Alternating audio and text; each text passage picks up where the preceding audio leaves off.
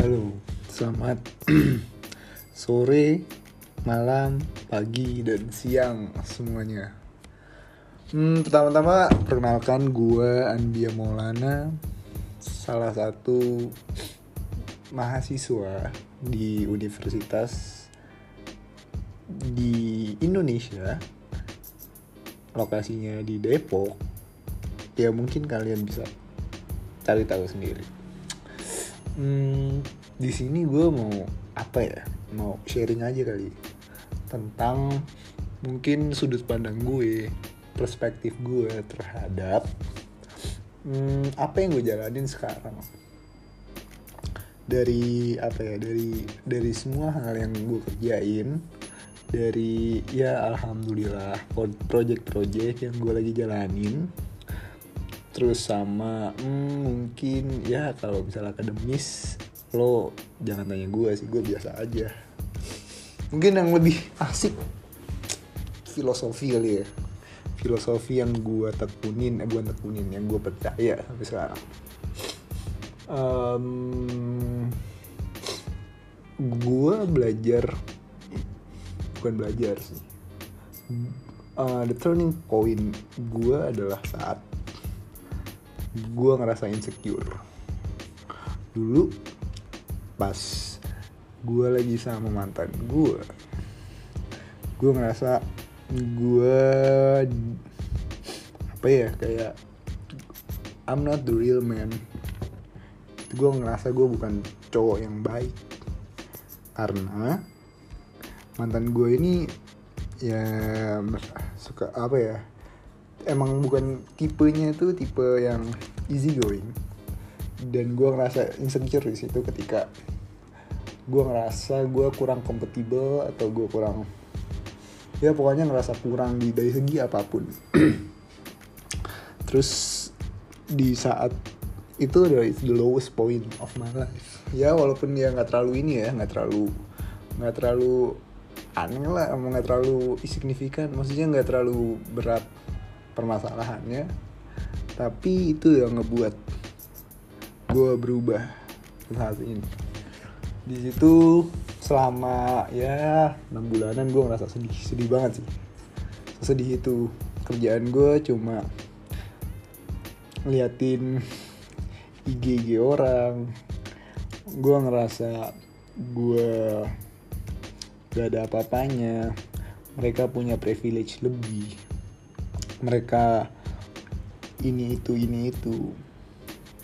Terus ada satu momen di mana gue ngerasa oh mereka tuh ngejalaninnya itu udah lebih dulu mungkin daripada gue karena mereka adalah senior senior gue ya bukan bukan senior sih jatuhnya dia lebih tua deh gue oke gue berkesimpulan bahwa I have time.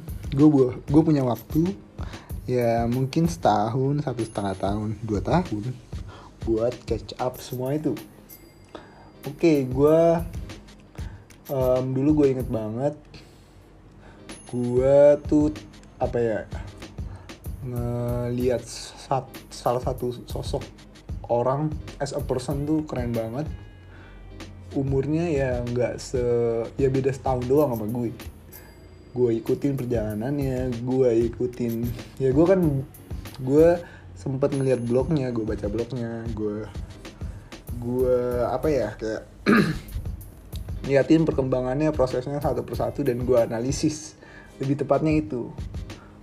Ya emang hidup orang emang beda-beda tapi at least gue tahu apa yang dia kerjain apa yang dia um, mungkin prinsip yang dia pegang itu gue baca baca terus dari blognya dari postan IG-nya something. Dan seterusnya sampai gue memberanikan diri mengambil keputusan untuk membaca buku. Apa ya kayak ngebaca buku tuh is my biggest turning point sih. Um, dulu gue inget banget gue searching searching buku um, yang miliarder-miliarder atau orang bilioner baca. pertama um, itu gue inget banget bukunya Seven Habits of Highly Effective People by Stephen Covey terus yang kedua ada waktu itu gue inget banget Think and Grow Rich by Napole Napoleon Hill habis itu ketiga How to Win Friend with eh How to Win Friend and Influence People by Dale Carnegie. Um, abis itu apa ya? Gue suka baca-baca blog sih baca blog nonton YouTube.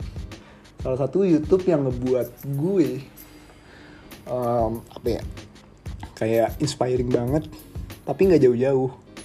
Itu ah Panji Pragiwaksono.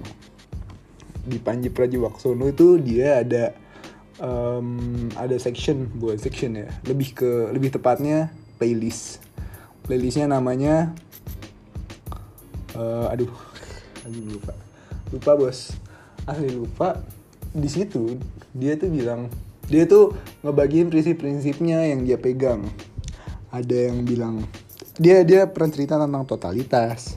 Dia pernah cerita dia pernah bilang kalau misalnya keluar dari zona nyaman ada juga um, yang ketiga terus terus apa ya melakukan terbaik di depan orang-orang yang even mereka ngecaci maki lo mereka nggak suka sama lo mereka mencibir lo gitu.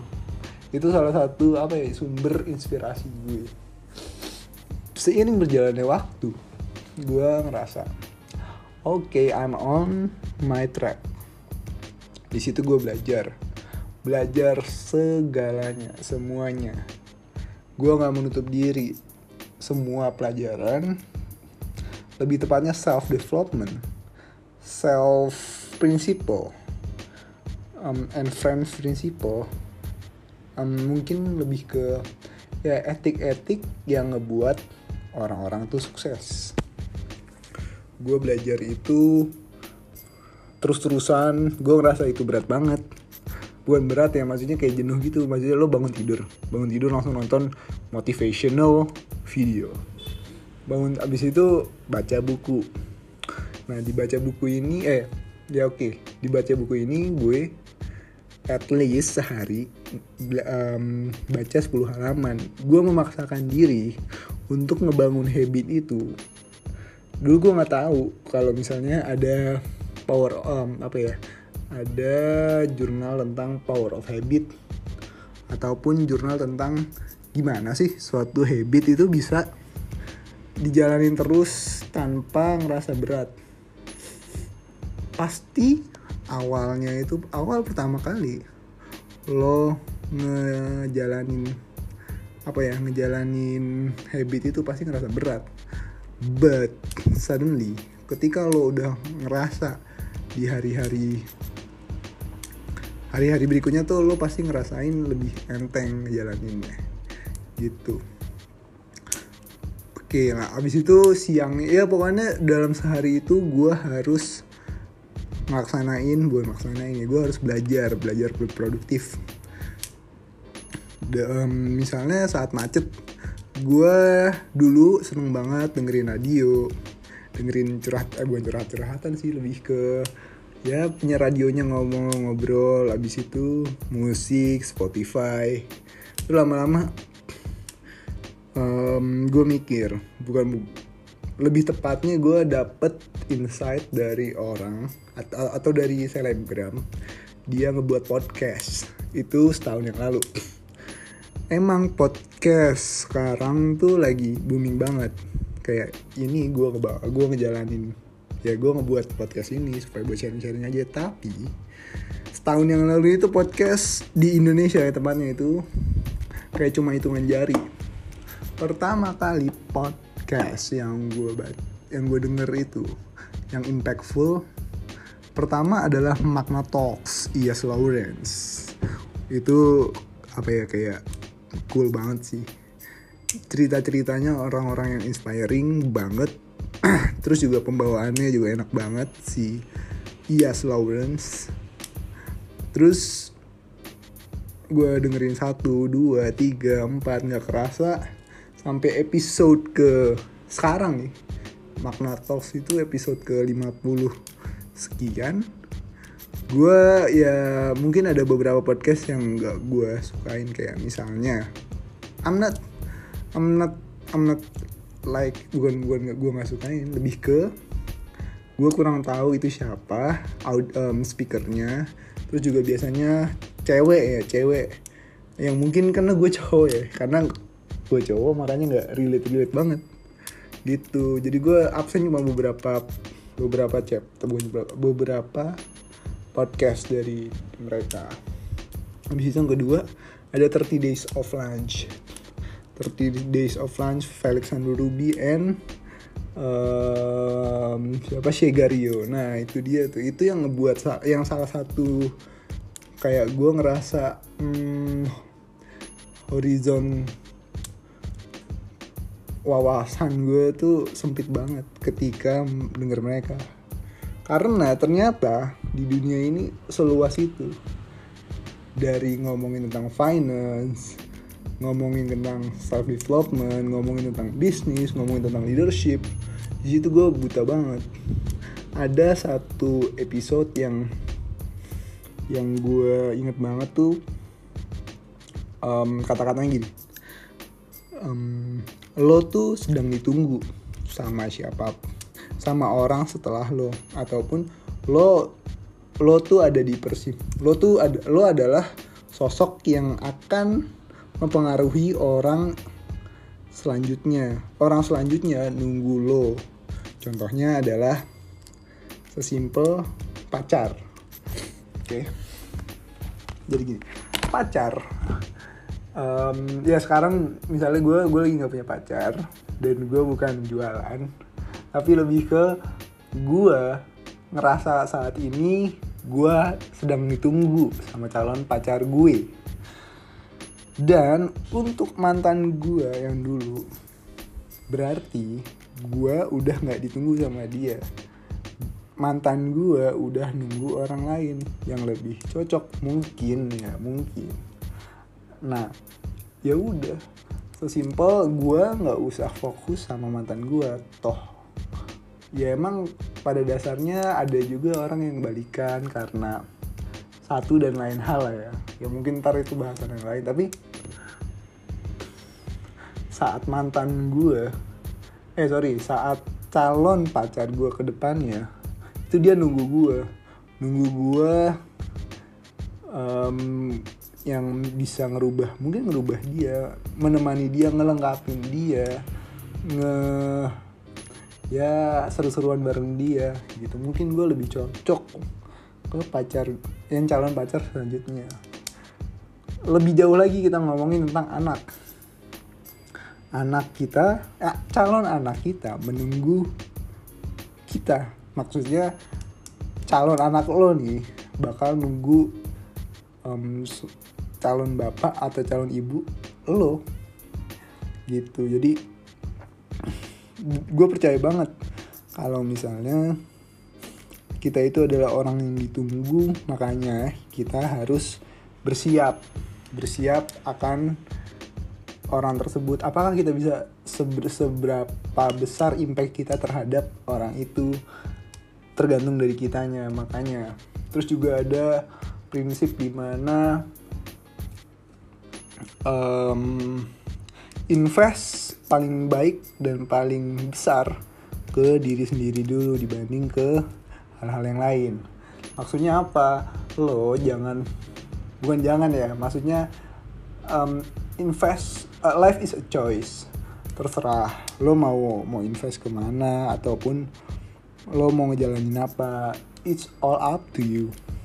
But gue meyakini gue pribadi ya gue gue pribadi meyakini kalau um, investasi itu pertama kali ke dalam diri lo sendiri kenapa ke dalam diri lo sendiri karena um, otak manusia itu sebegitu besar dan kemampuannya itu sebegitu luas. Um, even orang-orang sorry orang yang orang-orang yang dilahirkan dalam keadaan yang kurang beruntung ataupun dalam dalam kehidupannya ada ada ada kejadian yang luar biasa yang ngebuat orang tersebut mengalami hal yang tidak diinginkan seperti cacat, cacat mental, atau gugur otak. Gua meyakini sepenuhnya percaya dan yakin kalau orang-orang tersebut tuh memiliki kelebihan. Setiap orang every person has their own advantage and disadvantage.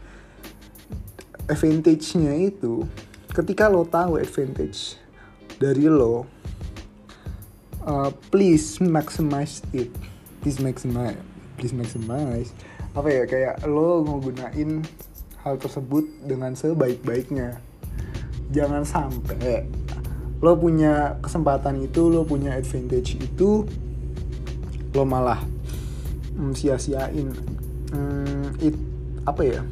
Bill Gates pernah ngomong hal terbesar apa? Hal hal yang paling menakutkan dalam hidup dia. Seorang Bill Gates nih orang yang pernah pernah di nomor satu orang paling kaya di dunia takut sama satu hal yaitu ketika otaknya nggak bekerja. The brain kata-kata Bill ya my own brain is my computer. Dia bisa memprogram apa pun yang dia kehendaki yang dia mau buat apa pun yang dia inginkan apa pun goals yang dia pengenin. Kayak komputer deh komputer nih lo mau programming. Sorry bukan programming maksudnya lo mau ngejalin suatu aplikasi misalnya Mozilla Firefox. Lo pencet abis itu kebuka. Terus nah dia punya ya emang sih dia punya advantage tapi gue pernah baca bukunya Napoleon Hill kalau sebentar. Ada